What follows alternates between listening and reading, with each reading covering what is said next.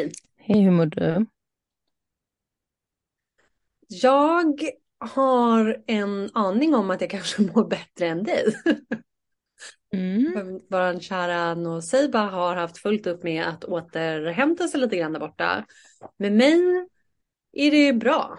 Jag har, oh, jag tänkte jag skulle prata om det idag, alltså jag var så, åh gud jag måste säga det till Noseiba. För jag tänkt ganska mycket på typ sist när vi spelade in och vi pratade, alltså förra gången. För då, då hade jag droppat. Alltså mina, min energi, mina nivåer var liksom lägre. Nu känner jag att jag har bounced back. Nu är jag liksom i högre vibrationer igen och ja, det är kul helt enkelt, kort sagt. Hur är det med dig? Ja, först var vad skönt att komma upp. Jag tycker oftast, alltså så fort man har varit där nere så uppskattar man ju typ där uppe så mycket mer. Liksom. 100 procent. Ja, så skönt att, och gör det mesta av det. För att jag, jag tror att det där kommer gå i vågor ett tag, tror jag. För alla alltså, inte bara för dig. Ja men definitivt. Eller det verkar som att det, alltså det är nog bara, det, det är nog bara livet liksom. Att det går alltid upp och ner. Ja, du säger så är det nog. Um, nej men jag mår också bra nu. Men jag har haft en uh, ganska jobbig tid. Eller så här, jag blir ju typ aldrig sjuk. Eller jag blir väldigt sällan sjuk ska jag säga. Men eh, jag har sett ett mönster av att det brukar landa på så här varannat, var tredje år.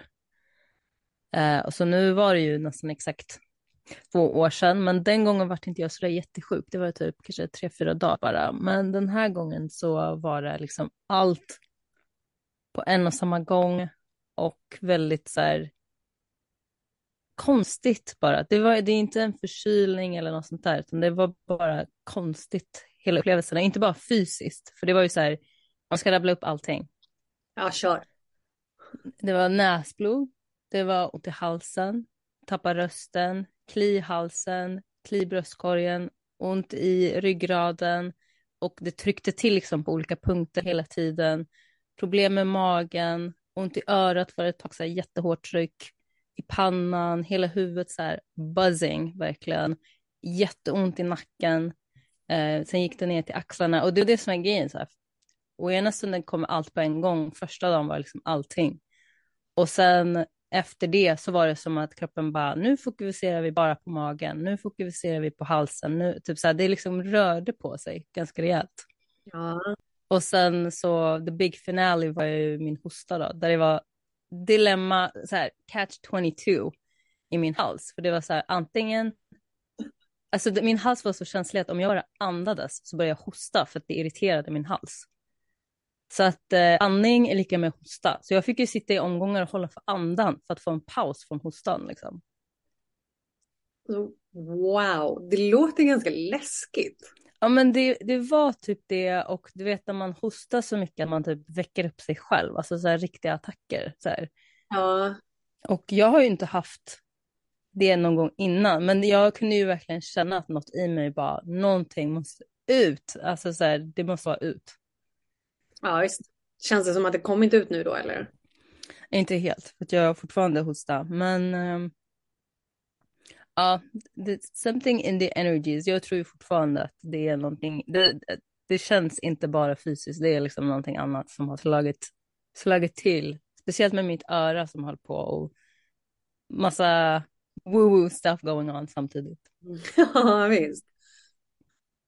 Det finns ju en hel del olika liksom, andliga teorier eller anledningar till varför vi blir sjuka, eller hur? Och Alltså, jag skulle tro att de, jag skulle tro att de liksom stämmer, du vet. Och jag tror att många gånger så är det nog ett tecken på att vi håller på att levla upp. Alltså vi har precis liksom kommit vidare till nästa nivå av medvetande så att säga. Eller alltså vi har precis slagit över eller kommit ett steg längre upp. Eller vi är på väg att göra det. Och i vårt universum av liksom polariteter och alltid motsatser så kommer det som är den direkta motsatsen till det vi liksom vill uppleva eller är på väg att uppleva och bli och sådär. Det, den direkta motsatsen kommer liksom dyka upp. Mm-hmm. Bara per automatik. Typ. Ja, men precis. Alltså, jag, jag, tänker också lite så här, som jag föreställer mig det, eller liksom den bilden jag får när jag tänker på att bli sjuk. Det är lite som att så här, starta om en mobiltelefon. Du vet när den uppgraderar sig, så här, man måste stänga av den först och det måste vara helt dött först. Liksom. Men sen ja. så när den startas om så är det liksom en uppdaterad version helt plötsligt. Ja, Så att eh, jag, jag, tror att för vissa när man blir sjuk, att det kan vara så här, nej men jag, jag blev smittad av den och den, men jag tror att många gånger är det liksom inte hela storyn. Nej, visst. Och vissa skulle väl också påstå att liksom våra sjukdomar är för att vi är någon typ av energetic match till den liksom. Och att det av de, de flesta gångerna ligger typ i vårt undermedvetna. Så att det är en ganska seriös process liksom av det här inre arbetet och liksom själslig utveckling innan vi når den punkten att så här, nu är jag helt untouchable, alltså nu blir jag aldrig sjuk liksom. Förresten finns det också många alltså, fall eller händelser av människor som av någon anledning då har en riktigt fysiskt sjuk kropp.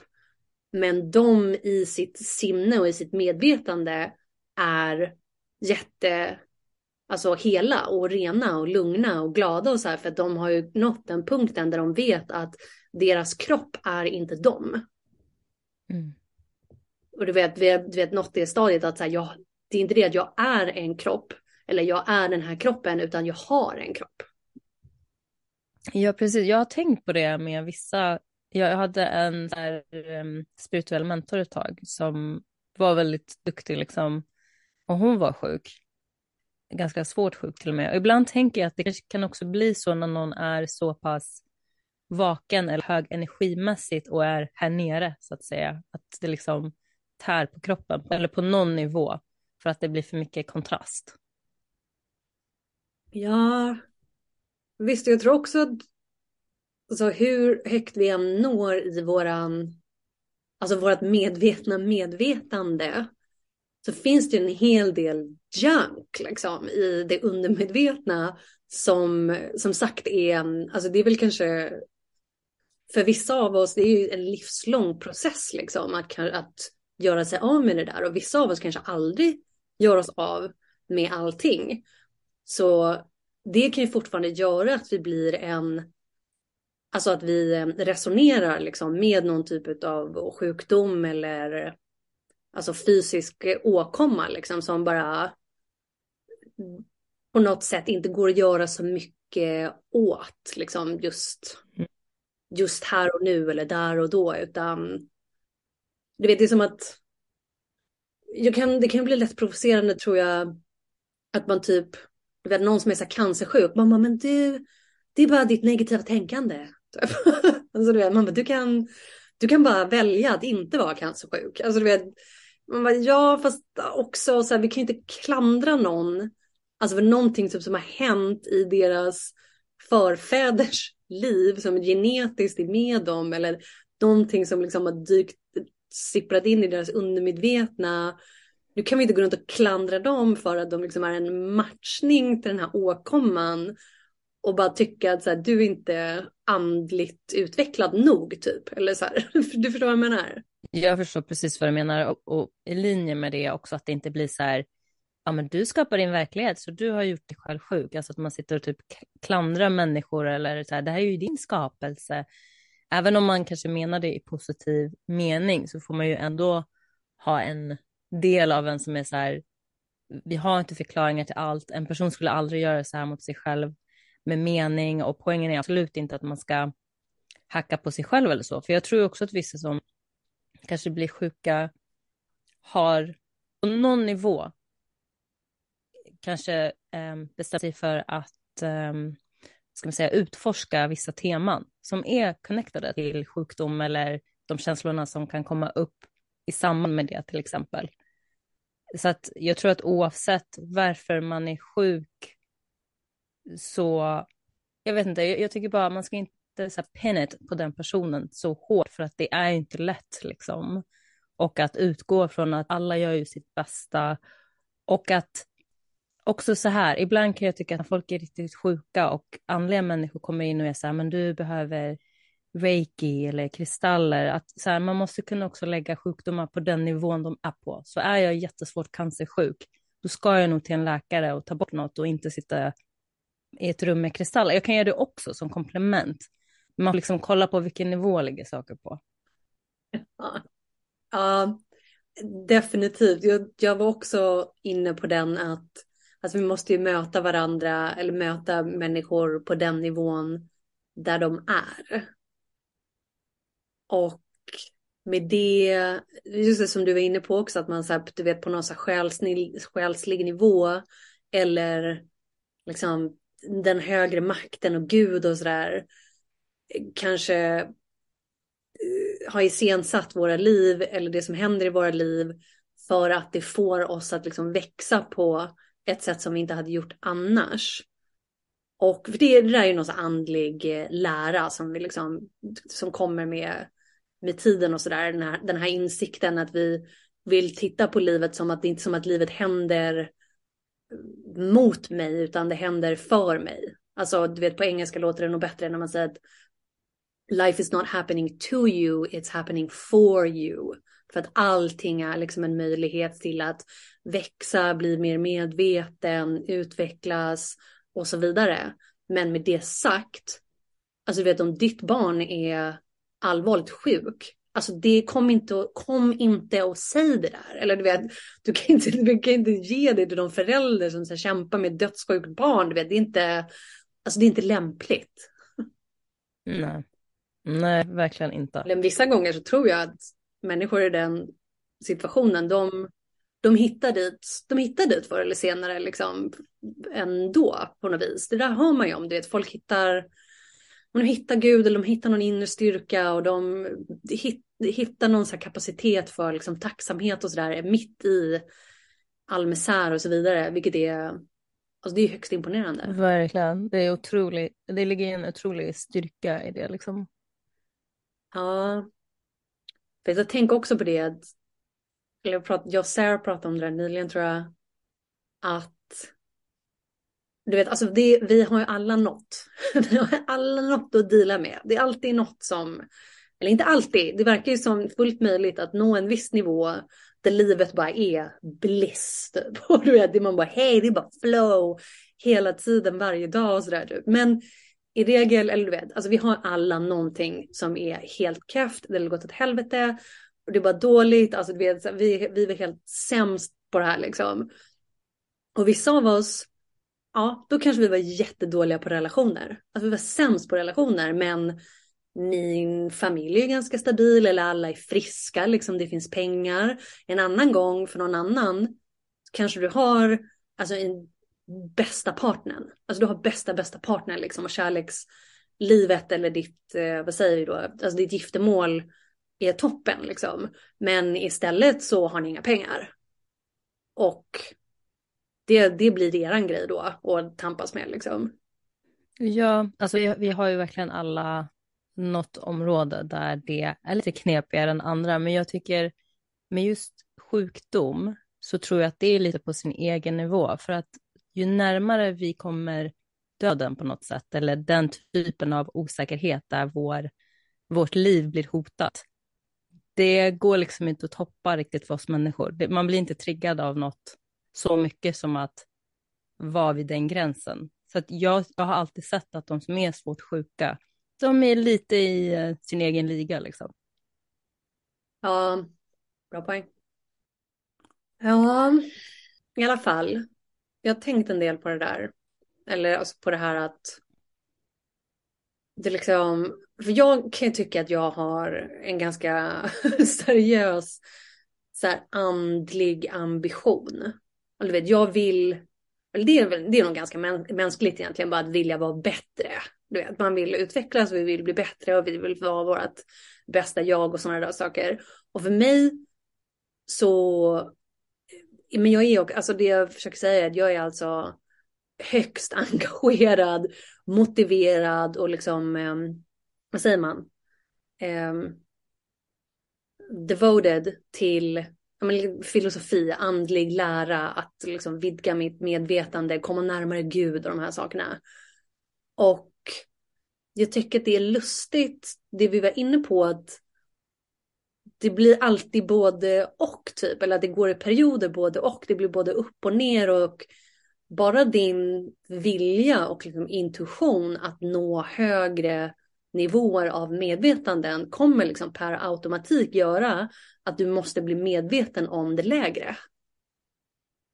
Ja, det är väl den där paradoxen som man fastnar i. Ja, exakt. För då har jag också tänkt på, alltså sist, förra avsnittet, alltså då var det så här, då var jag helt inne i det här med att bara beklaga mig. Alltså beklaga mig över livet och liksom, åh, den nuvarande situationen eller liksom rådande. Åh, och det är så jobbigt på stan med alla människor, och alla ljud och det är så påfrestande och krävande allting och sådär. Och jag gillar inte det där. Jag gillar typ inte det där stadiet, du vet. Eller jag tycker att det är lite så här, det är below me typ. Vilket det på ett sätt är. För att rent generellt så har jag nått ett medvetande som är liksom över det där. Så jag gillar inte att vara där. Men också det här med att vara så självmedveten och att, att ha haft mycket olika erfarenheter. Alltså jag har ju haft många erfarenheter av att vara liksom högre upp så att säga. Eller att livet är fint och härligt och jag, jag upplever det som att så här, det här känns riktigt bra. Så att nu när saker och ting inte känns riktigt bra, då blir jag så fruktansvärt provocerad. Jag gillar liksom inte att vara där. Och jag, jag tror att jag är på väg tillbaka till att tala om att jag är så himla nöjd över att jag är tillbaka i en vibration som känns bra. Mm. Ja, det är värt att liksom ha det uttalat och att så här, känna för sig själv och för världen att man har liksom tagit sig upp och bara så här rullar runt i, i, i på de rosa molnen eller vad man ska säga. Ja, men en sak som jag inte gillar med mitt nyfunna typ andliga medvetande eller sådär. Att man bara, du vet det här som vi var inne på sist. Så här, med energies och sådär. Att man, jag är så himla känslig. Jag är så känslig. Jag är en högkänslig person eller jag är en empath. Jag är så inkännande och så vidare. Så att jag klarar inte av någonting. Eller vet, jag klarar inte om, av folkmassor. Klarar inte av mycket ljud. Jag, alltså jag är väl en person som är ganska introvert. Och det då skulle också det här betyda att jag klarar inte av liksom andra sällskap och så vidare. Och alltså jag diggar typ inte det där hos mig själv. För att jag blir stundvis alltid påmind om eller medveten om att det där kommer från Alltså det kommer från liksom ett medvetande som inte är speciellt eh, starkt. Eller vad säger du, vet, eh, empowered. Det kommer liksom till att så här, eller från att typ från rädsla, från att man ska vara svag, från att liksom livet eller jorden, världen är så out to get me. Och nej, jag bara känner att nej. Det, nej, nej, nej, nej, nej, nej. Alltså grejen är, jag har absolut också sådana dagar och hade det då med vid vår, vårt eh, förra samtal liksom. Jag känner nog inte så mycket, jag känner inte så mycket motstånd till det faktiskt. För att jag tycker att Ja, absolut att man ska liksom gå emot att vara sitt bästa jag och liksom fortsätta utvecklas och, och sådär. Men precis som man har bra och fina dagar och perioder så har man också det motsatta. Det är bara en del av verkligheten. Att man går igenom båda två och av båda två så är man som en pingpongboll som fram och tillbaka, fram och tillbaka. Och jag tycker att det är helt okej okay att tillåta sig själv att beklaga sig över jobbiga saker eller att, att få vara ett offer så länge det är ett tillfälligt, ett tillfälligt stadie där man, att man hittar tillbaka till sig själv. Jag tror det är därför jag är så lugn när jag har ändå dåliga dagar för att jag vet att jag kommer hitta tillbaka till mig själv förr eller senare. Jag tror så länge man inte kämpar emot det och inte att man ser ner på det, men att man har svårt för det. Jag tror nämligen att det gör att man lättare trillar dit faktiskt. Ja, alltså, ja, alltså det kanske är sant. Och sen så är det, alltså det är sant det du säger, för jag tror att mitt problem kanske också snarare blir att jag, alltså jag är inte så förtjust i att vara så emotionellt labil är ju inte rätt uttryck, men att vara, jo, men att vara så känslostyrd. Eller att liksom inte, du vet, att, för det är ju sant det du säger, att så här, det går ju upp och ner. Och vi kan ju ligga på en viss nivå rent generellt, liksom, eller som våran så här, normalstadie. Och sen kan känslor vara liksom lägre, men som du säger att det är tillfälligt, det är en tillfällig upplevelse eller tillfälligt stadie. Och jag tror inte att jag gillar så mycket att jag, men jag har, jag har lite svårare än dig kanske att acceptera stunden. Förstår du vad jag menar? Ja, men jag förstår vad du menar. Och det är nog precis som du säger, det är nog för att ditt normaltillstånd är ju liksom över det. Så att när du halkar ner där så blir det väldigt påtagligt att du inte är i ditt normaltillstånd. Liksom. Mm. Men det kanske till och med är ett gott tecken. Alltså jag menar, för många människor när man halkar ner där, för det första kan det vara normaltillståndet, att man är där nere, citattecken. Men sen finns det ju en jättemängd människor som vägrar ens att gå ner dit. Men jag tar hellre, jag tar hellre en antidepressiv tablett till exempel, eller vad det nu kan vara. En drink eller shopping eller whatever, för att ta sig ut. Det är ju sant. Det är där vi, alltså det är där vi kommer tillbaka till det hela tiden. Alltså spirituell eller emotionell bypassing och sådär. Att vi bara, nej, ja, nej, nej, jag har inte verktyg till det här utan jag behöver liksom hjälp från utsidan. Jag behöver lite alkohol eller jag behöver lite sex eller jag behöver lite någonting, någonting och sådär. Så det är helt, det är helt sant eh, det vi säger och det du säger och sådär. Men sen så vet jag, jo men visst alltså det här blir en så här, som sagt, alltså ibland så kan jag se jag tydligen lite för hård mot mig själv, alltså vet, jag dömer mig själv lite hårt och det speglas väl i att jag dömer andra lite hårt också ibland kanske, eller liksom society och liksom omvärlden och sådär. För jag minns också i, eh, alltså tillbaka till Peru igen. För då minns jag en sån medicinkvinna där uppe i bergen som var västerländska såklart, men har bott i Peru i alltså nästan 20 år typ. Och hon var så, alltså hon hade gått liksom jättelångt in i det här som jag var inne på att Alltså hon, alltså hon hade ett sånt förakt för den liksom etablerade världen. Alltså ett sånt förakt och typ ett sånt hat. Och hon, alltså hon stod inte ut med någon som kom från så här storstaden typ, eller som inte var helt hokus pokus andligt lagd. Hon, alltså hon kunde inte, hon kunde liksom inte vara någonstans, hon kunde inte åka någonstans utan att det var så fruktansvärt påfrestande för henne och hennes system bara klarade inte av det. Hon hade ett på restaurang ute sa hon en gång för första gången så på flera år. Och det var så låga vibrationer i maten så hon var tvungen att kräkas typ på en gång. Mm. Jag var bara så här, men alltså andligt talat då, alltså du är ju typ körd i botten. Alltså förstår du vilket hämmat och liksom rädsloladdat eh, state hon kommer ifrån? Mm.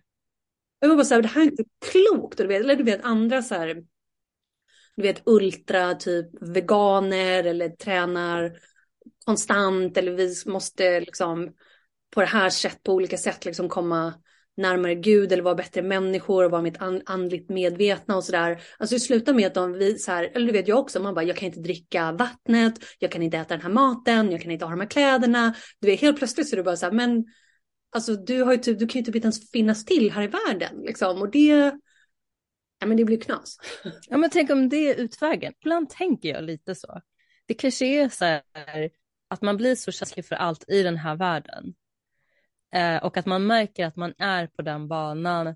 Och då har man liksom ett vägskäl där det är så här, antingen kommer du inte klara av att leva här och du får då ta risken av att se vad, vad sker härnäst det kanske är så, det där kanske är nyckeln eller till den här portalen till någon annan. Alltså jag har ingen aning, för jag börjar tänka så, för det känns som att fler och fler av oss börjar ju vara på den nivån att det är så här, ja, som sagt, känsligheten bara ökar på mer och mer och mer. Och den här världen ändras ju inte som det är nu, men det kanske är jättepositivt. Ja, alltså jag, jag förstår vad du menar med att det skulle vara någon typ av så här, här du vet, man har nått någon typ av gräns när det är så här, okej okay, nu finns det ingen återvändo typ, eller det finns inga alternativ, utan då måste man vidare till något annat paradigm eller någon annan liksom, verklighet och sådär. Det är bara det att alltså alla så här andliga läror typ, eller vad gäller hälsa och medvetande och sådär, så pratas det hela tiden om att vi ska komma från en punkt av liksom kärlek och att den högre makten och vårt inre och högre jag och sådär är det kommer liksom med kärlek, med styrka, med eh, ett eh, alltså förtroende för både ens egna liksom självkänsla eller förtroende för världen och tillit och alla de här liksom högvibrerande grejerna. Och att då känna att hela världen liksom är ett hot mot dig eller mot mig. Det känns ju som att det är ja, men, fullt baserat i rädsla, vilket är en extremt låg vibration. Ja, absolut. Alltså så fort du sa att du upplevde att den här kvinnan då var, att det var ett så förakt mot världen, bara det är ju en röd flagga på en gång. Ja, visst. Men då, alltså för jag själv var ju liksom lite ny till alla de här sakerna. För samtidigt så hade hon ju liksom äh, mycket så här, alltså vad säger vi, alltså hon var väl införstådd med mysticism det här, men du vet som du nämnde, så här, reiki eller kristaller och hon var så medicinkvinna och liksom serverar de här magiska dryckerna till folk och ja, men du vet högst, högst med i det och så kundspråket och alltså vad säger, djup, djup förstå, förståelse för psykologi och sådär. Så att å ena sidan så var ju jag så här, du vet lite intresserad av henne. Men det var också, det var också som att jag bara, jag vet inte riktigt. Jag kommer ihåg mitt ex, han var så här, men Emelie hon är ju tokig i huvudet typ. Alltså du kan inte lyssna på henne liksom. Men jag vill inte, nej jag vill ju inte lyssna på honom riktigt utan man måste göra sina egna misstag typ. Men sen med, med lite mer tid och lite mer erfarenhet och jag hade inte henne längre runt omkring mig, då var jag så här wow.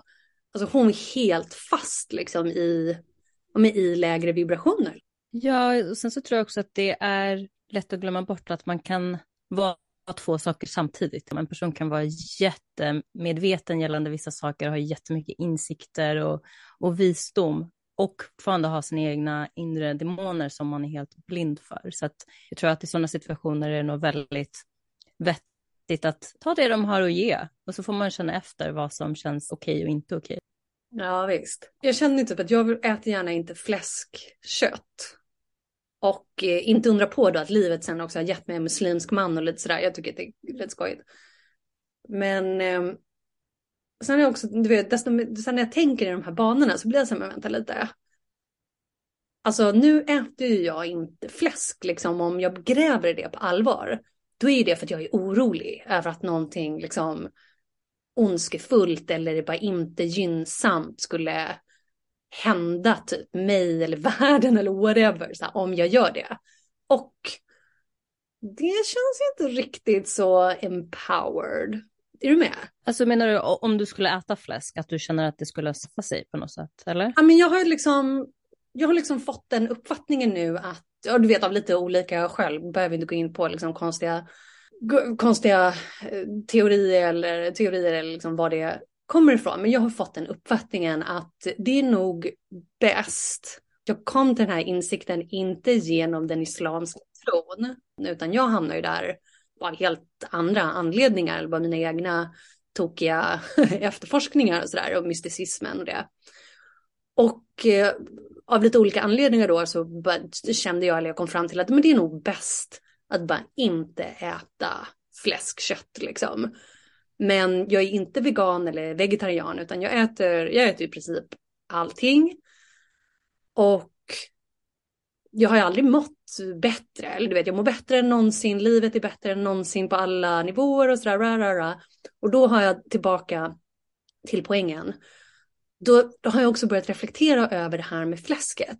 Att bara, men okej, nu äter jag alltså inte det för att jag har gått och gett mig själv eller jag har fått uppfattningen och tron om att det på något sätt är dåligt eller liksom inte gynnsamt. Det kan leda till liksom inte bra konsekvenser. Och om man gräver lite mer i det så bottnar ju det alltså i att jag är rädd för någonting som jag inte ens riktigt liksom vet vad det är. Men jag är rädd för att det är dåligt. Och det känns ju då alltså inte som ett speciellt det känns inte speciellt empowered. Så jag undrar igen om det är så här, men hallå, vad är det här för nonsens liksom? Alltså menar du i din uppfattning om, om fläskkött eller om fläskköttet i sig? Jag menar alltså att vi, våra, våra trosuppfattningar är baserade i rädsla. Vilket alltså blir kontraproduktivt till min du vet, andliga ambition att nå högre frekvenser. För rädsla är ju typ längst ner. Ja, alltså grejen är, jag tror att grejen med rädsla är att eh, eh, det är low vibe på ett sätt, men det är också, rädsla är grym skyddsmekanism också. Alltså rädsla har ju en positiv inverkan hos oss så länge den inte går överstyr och så länge den är förankrad i någonting. Så om du till exempel känner rädsla kring eh, fläskkött eller om du skulle ta det in i ditt system och om du då väljer att inte göra det, jag har jättesvårt att se hur det skulle vara något negativt. Alltså för rädsla tillhör ju fortfarande vårt spektrum av känslor. Ja, alltså jag håller med. Och det är inte det att vi, skulle liksom, att vi ska göra oss av med rädsla till 100 procent eller att det liksom inte är okej att känna det typ eller sådär. Jag menar bara på att mycket av mänsklighetens problem ligger ju liksom i det där att vi alla är programmerade med så mycket rädsla och vi alla våra, du vet, våra undermedvetna beslut eller medvetna också liksom, kommer från den här platsen av att jag är inte trygg. Jag måste vara rädd för det ena eller andra och sådär och jag undrar liksom lite vart, eller jag, ja, jag går väl runt och reflekterar över så här, vart går gränsen i princip, eller förstår du? Jo, men jag förstår precis vad du menar. Och jag, jag har också hört det här av att så här, oftast när man börjar lämna vissa vanor bakom sig, och oftast så sker det ganska naturligt när man höjer sig, så automatiskt blir det så att man tappar vissa saker, eller vissa dåliga citattecken vanor. Och det är ju lite annorlunda att släppa en vana baserat på rädsla. Det är inte riktigt samma sak. Då använder man ju mer sin viljestyrka, mer än att det bara effortlessly försvinner. Men med det sagt så tror jag att ja, det kanske, det kanske är rädslodrivet, men det är för att skydda dig själv. Och det skadar ju inte dig. Alltså det är ju en annan sak om du skulle sluta, vad ska jag säga, sluta gå utomhus för att du är rädd för att träffa på människor. Ja, men då är det nog dags att ta tag i den rädslan för att du behöver gå ut och träffa människor. Men när det handlar om en vana som kanske inte ger så mycket fördelar, ja men då kanske det inte gör någonting. Nej, det är klart.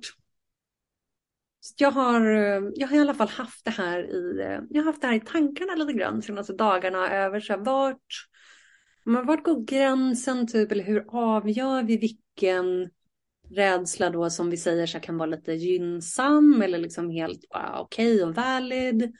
När blir det inte gynnsamt?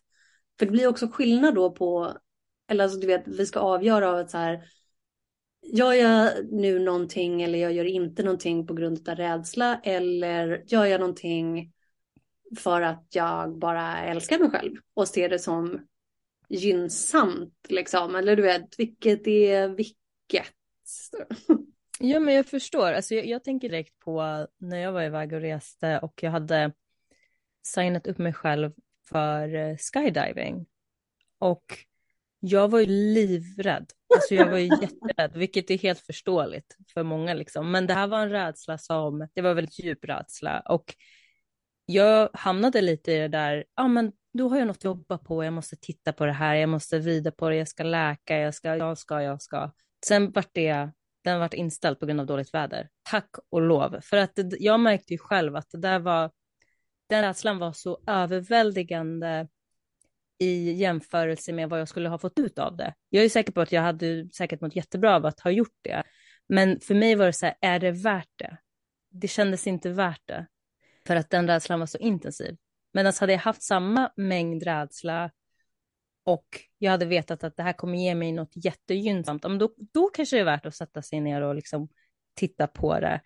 Men när det gäller att bara hoppa ut från ett flygplan, då känner jag lite sådär, det kanske är okej, okay. man kanske får vara rädd för vissa saker. Det är samma sak, jag är jätterädd för, för vatten. Jag har hållit på att drunkna flera gånger i mitt liv, vilket jag inte tror är en slump. Men Då är det så här, jag, jag ska ta tag i det här, jag ska ut och simma, jag ska... En annan del av mig är så här, nej, jag kanske bara vill stå här och, och känna botten under mina fötter. Jag kanske faktiskt inte vill utmana mig själv mer än så här. Ja, jag är ju helt, eh, jag håller ju helt med. Jag kan ändå inte låta bli att typ komma tillbaka till det här att du vet, vid viss, vid viss tillfälle eller perspektivnivå, whatever, så kommer vi tillbaka till det här att det är liksom, jag är inte min kropp, utan jag är ju medvetandet som upplever den, det fysiska och min kropp. Men jaget och min kropp är egentligen separat. Och att också nå den punkten när vi liksom inte är rädda för döden. För då, då känns det ju liksom som att om man på riktigt, du vet, så här, är i det medvetandet, då faller ju liksom alla de här grejerna bort. Då spelar det typ inte längre någon roll vad som händer med din kropp. Det spelar inte... Och vi är liksom inte längre rädda typ. Alltså vi inte behöver vara rädd för fluor i dricksvattnet eller alltså du vet. Det spelar liksom ingen roll. Nej, kanske inte gör. Alltså så här, det hela beror ju liksom på bara vilken nivå man lägger det på. Absolut, på den högsta nivån. Då spelar det ju ingen roll och jag tror jag nämnt innan att jag känner till exempel en person som är jättemedveten och som gör och äter saker och dricker saker och agerar i linje med saker som personen vet inte är sådär jättegynnsamt mot någon, inte mot naturen, inte mot sig själv, inte mot djuren, men gör det ändå för att vad spelar det för roll? Det här är ändå bara en illusion eller dröm. Jag tror att det kan vara lite farligt att hamna också. Ja, alltså det tror jag också att det kan nog eh, liksom slå hårt åt ena hållet, att det går lite till överdrift eller sådär att man är liksom alltså ovår, vad säger man, vårdslös liksom. Mm. Alltså det håller jag helt med om. Men sen så är ändå, alltså, men det blir, alltså, det är ändå typ det där, jag gillar det där. Och det är samtidigt så högst provocerande. Du vet som man säger så här, man bara hej vadå är ditt barn döende? Du är hej it doesn't matter. Du, behöver inte bry dig typ. Alltså det blir helt sjukt. Mm. Så det är högst provocerande att vara så här hej det spelar ingen roll klimatförändringar eller krig och så. Man bara, det spelar ingen roll. Men det är sant. Att det är så här, du behöver inte bry dig. Det är inte ditt problem att fixa. Du behöver inte gå runt och tycka synd om alla andra eller liksom oj oj oj. Det, bara, det, alltså det spelar typ ingen roll. Alltså det gör ju inte det som sagt på en nivå. Jag tror bara att för att den här världen överlag är lutat mer åt det negativa ganska mycket mer åt det negativa, så tror jag att om man väljer att rycka på axlarna, vilket är förståeligt, alltså det, för, det kan ju vara överväldigande om man skulle ta in allt som faktiskt sker. Men om man, om man skulle lägga det på en nivå där så här, ja men det är som det är, så jag kan lika bra göra vad jag vill. Då föder man faktiskt mer av det där negativa automatiskt. Alltså om man skulle bara go with it, som det ser ut nu, dricka vatten med fluor eller äta vad det nu kan vara, så föder man det negativa. Och jag tror att på någon upplevelsenivå så kommer det där tillbaks i alla fall. Så att jag tror för människor som innerst inne vet vad typ kärlek och ljus är och vad man bör göra i vissa situationer, men väljer att blunda för det och bara go with it. Och är så här, ja men det här är ändå bara en illusion. Ja, men också nej. Ja, jag kan inte säga att jag inte håller med. Eller lite kanske att jag inte helt håller med på att vi liksom föder eller spär på negativitet för att vi eh, om vi inte avsäger oss vissa saker typ eller slutar med vissa saker och sådär. För jag, jag tror också att det blir skillnad på att så här Alltså ren och skär passivitet och acceptans för alltså vad som är. Det jag tror att det är skillnad. För jag tror också att, som vi säger hela tiden, att det är på en viss nivå. Alltså på en viss nivå så spelar de här sakerna roll.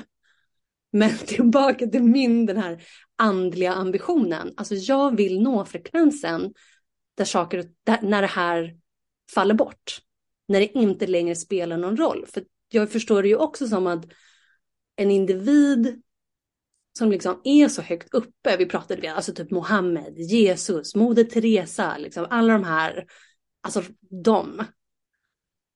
De har ju så pass mycket liksom kärlek och ljus i sig att de motbalanserar ju enorma mängder negativitet som kommer, eller som är liksom i andra eller i världen. Och alltså jag kommer att prata med Sarah, min väninna, om det här. Och hon var så här, men Emelie, vet du vad också, så här, jag tror inte att hon var upplyselsetillståndet, liksom, att vara enlightened. Så här. Hon bara, jag bryr mig typ inte om det. Eller så här, jag tror inte ens att jag skulle vilja vara det. Eh, men så här, hon bara, det är ingenting jag satsar på typ. Och med tiden, för jag har alltid, det där stannade kvar hos mig typ. Och så tror jag att mer och mer med tiden så känner jag typ att så här, jo men jag vill det. Alltså jag, jag skulle verkligen i den här livstiden vilja nå stadiet av upplyselse. Och jag är inte där än. Ja. Mm. Den första biten, jag tycker det var så intressant att du sa skillnaden mellan acceptans och passivitet.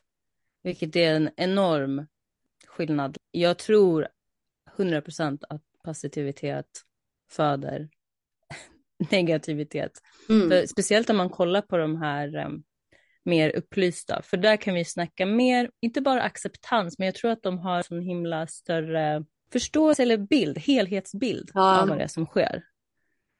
Så att uh, de har nog lite mer insyn i saker gissar jag. Men jag förstår absolut att, att man kanske har det som mål, eller vad man ska säga. Men tror du att de personerna under sin livstid, ja, jag måste smälta den biten. Jag vet inte om jag skulle vilja det heller helt.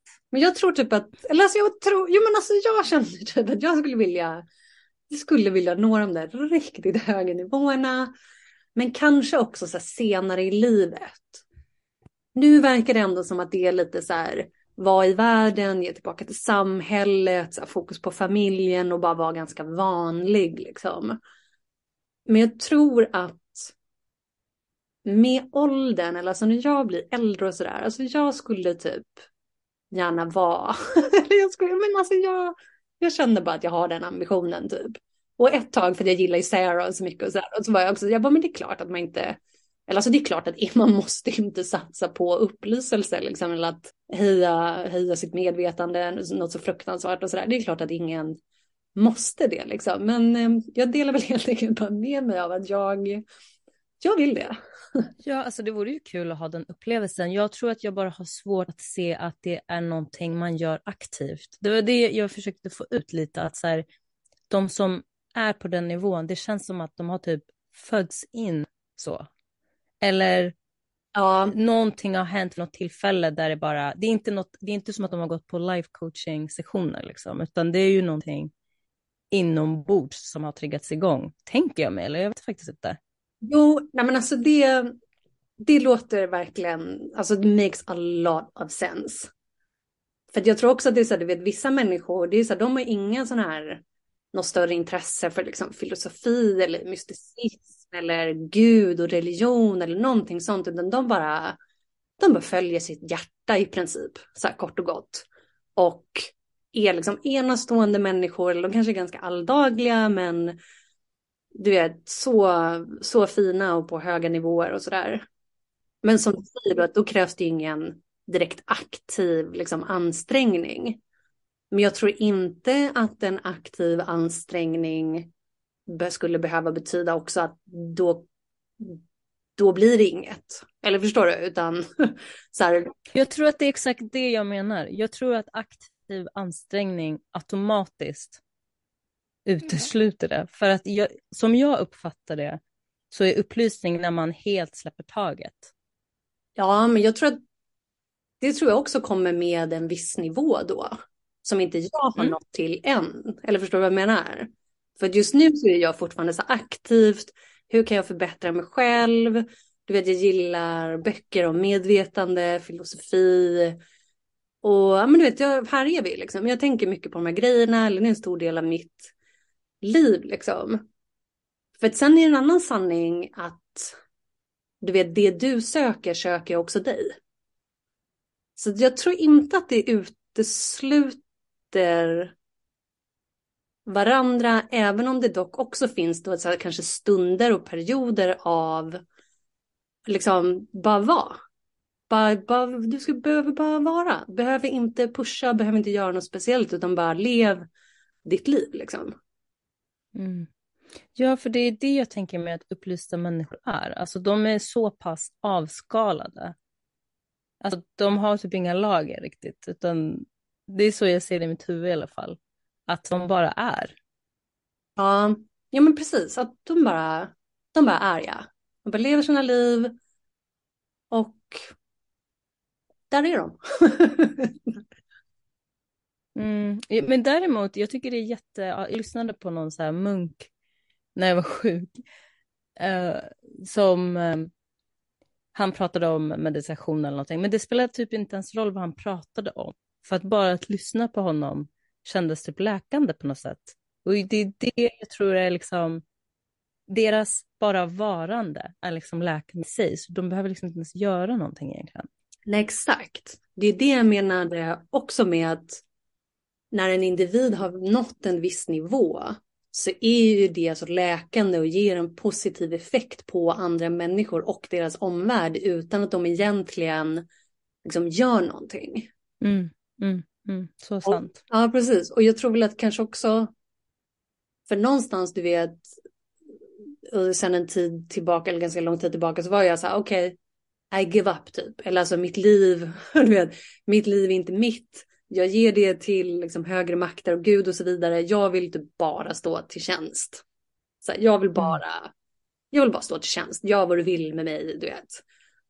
Och jag tror att det är lite det också som spär på den här motivationen då av att liksom bli mer och bättre. För jag vet ju att det är gynnsamt för min omvärld, även om inte jag aktivt går ut och säger hej, nu ska jag läka dig. Mm. Mm, absolut. Det, mm. det är nog det som spär, spär på den här andliga ambitionen. Liksom. Jag är nog fortfarande, eller större delen av mig och mitt väsen, vi är ju liksom på den här nivån av ja, men typ det högre intellektet. Liksom. Jag gillar ju jag gillar alla, alla de här efterforskningarna liksom, och vetenskapligt eller att bara intellektuellt och alltså förstå mig på mycket, jag samlar mycket kunskap och information och sådär. Och sen förhoppningsvis snart då så kan jag komma vidare till nästa nivå som bara är så flow. Du vet, man bara, mm. man bara glider runt i livet och är, är så härlig och högvibrerande och du behöver inte göra något speciellt utan man bara lever sitt liv. Åh. Ja, det låter härligt. Jag har bara hört från många att det är så här när de når den nivån att de så här, okej. Okay. Ja. Eller hur? Man bara, jaha.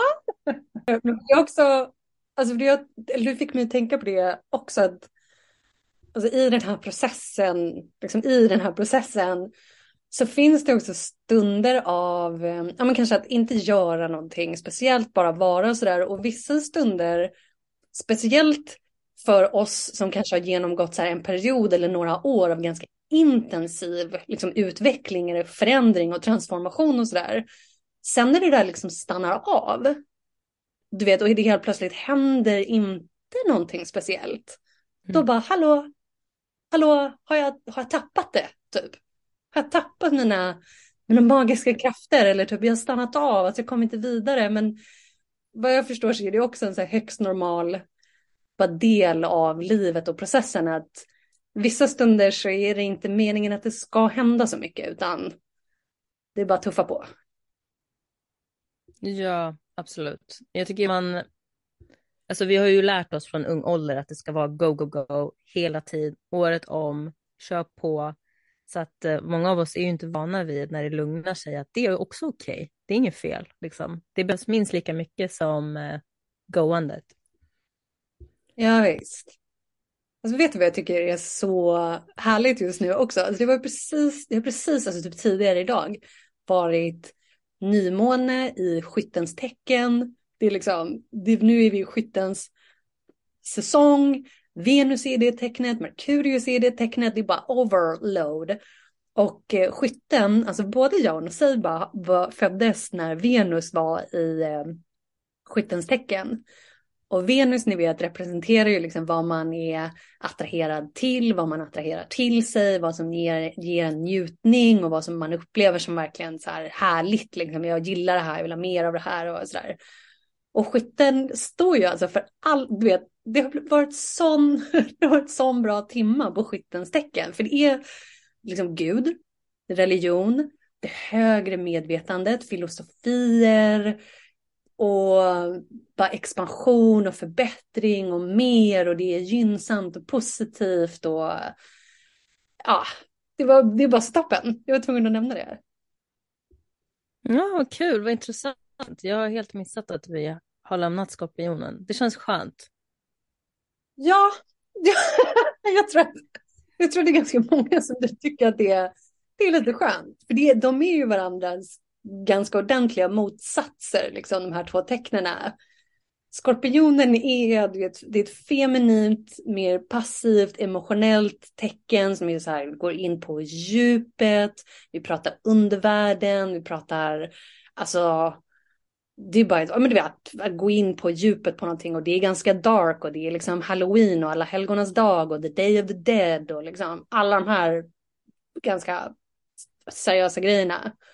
Och sen då bara härom, nu häromdagen, alltså igår, förrgår typ, så gick solen över och vi slog över till ett så eldigt, maskulint, positivt laddat eh, ja, eldtecken som bara är alltså det mest optimistiska tecknet av dem alla och bara utåt och gynnsamt och walala. Så att det, det är helt klart lite skillnad. Ja. Jag tror det är ganska många som tycker att det är lite skönt.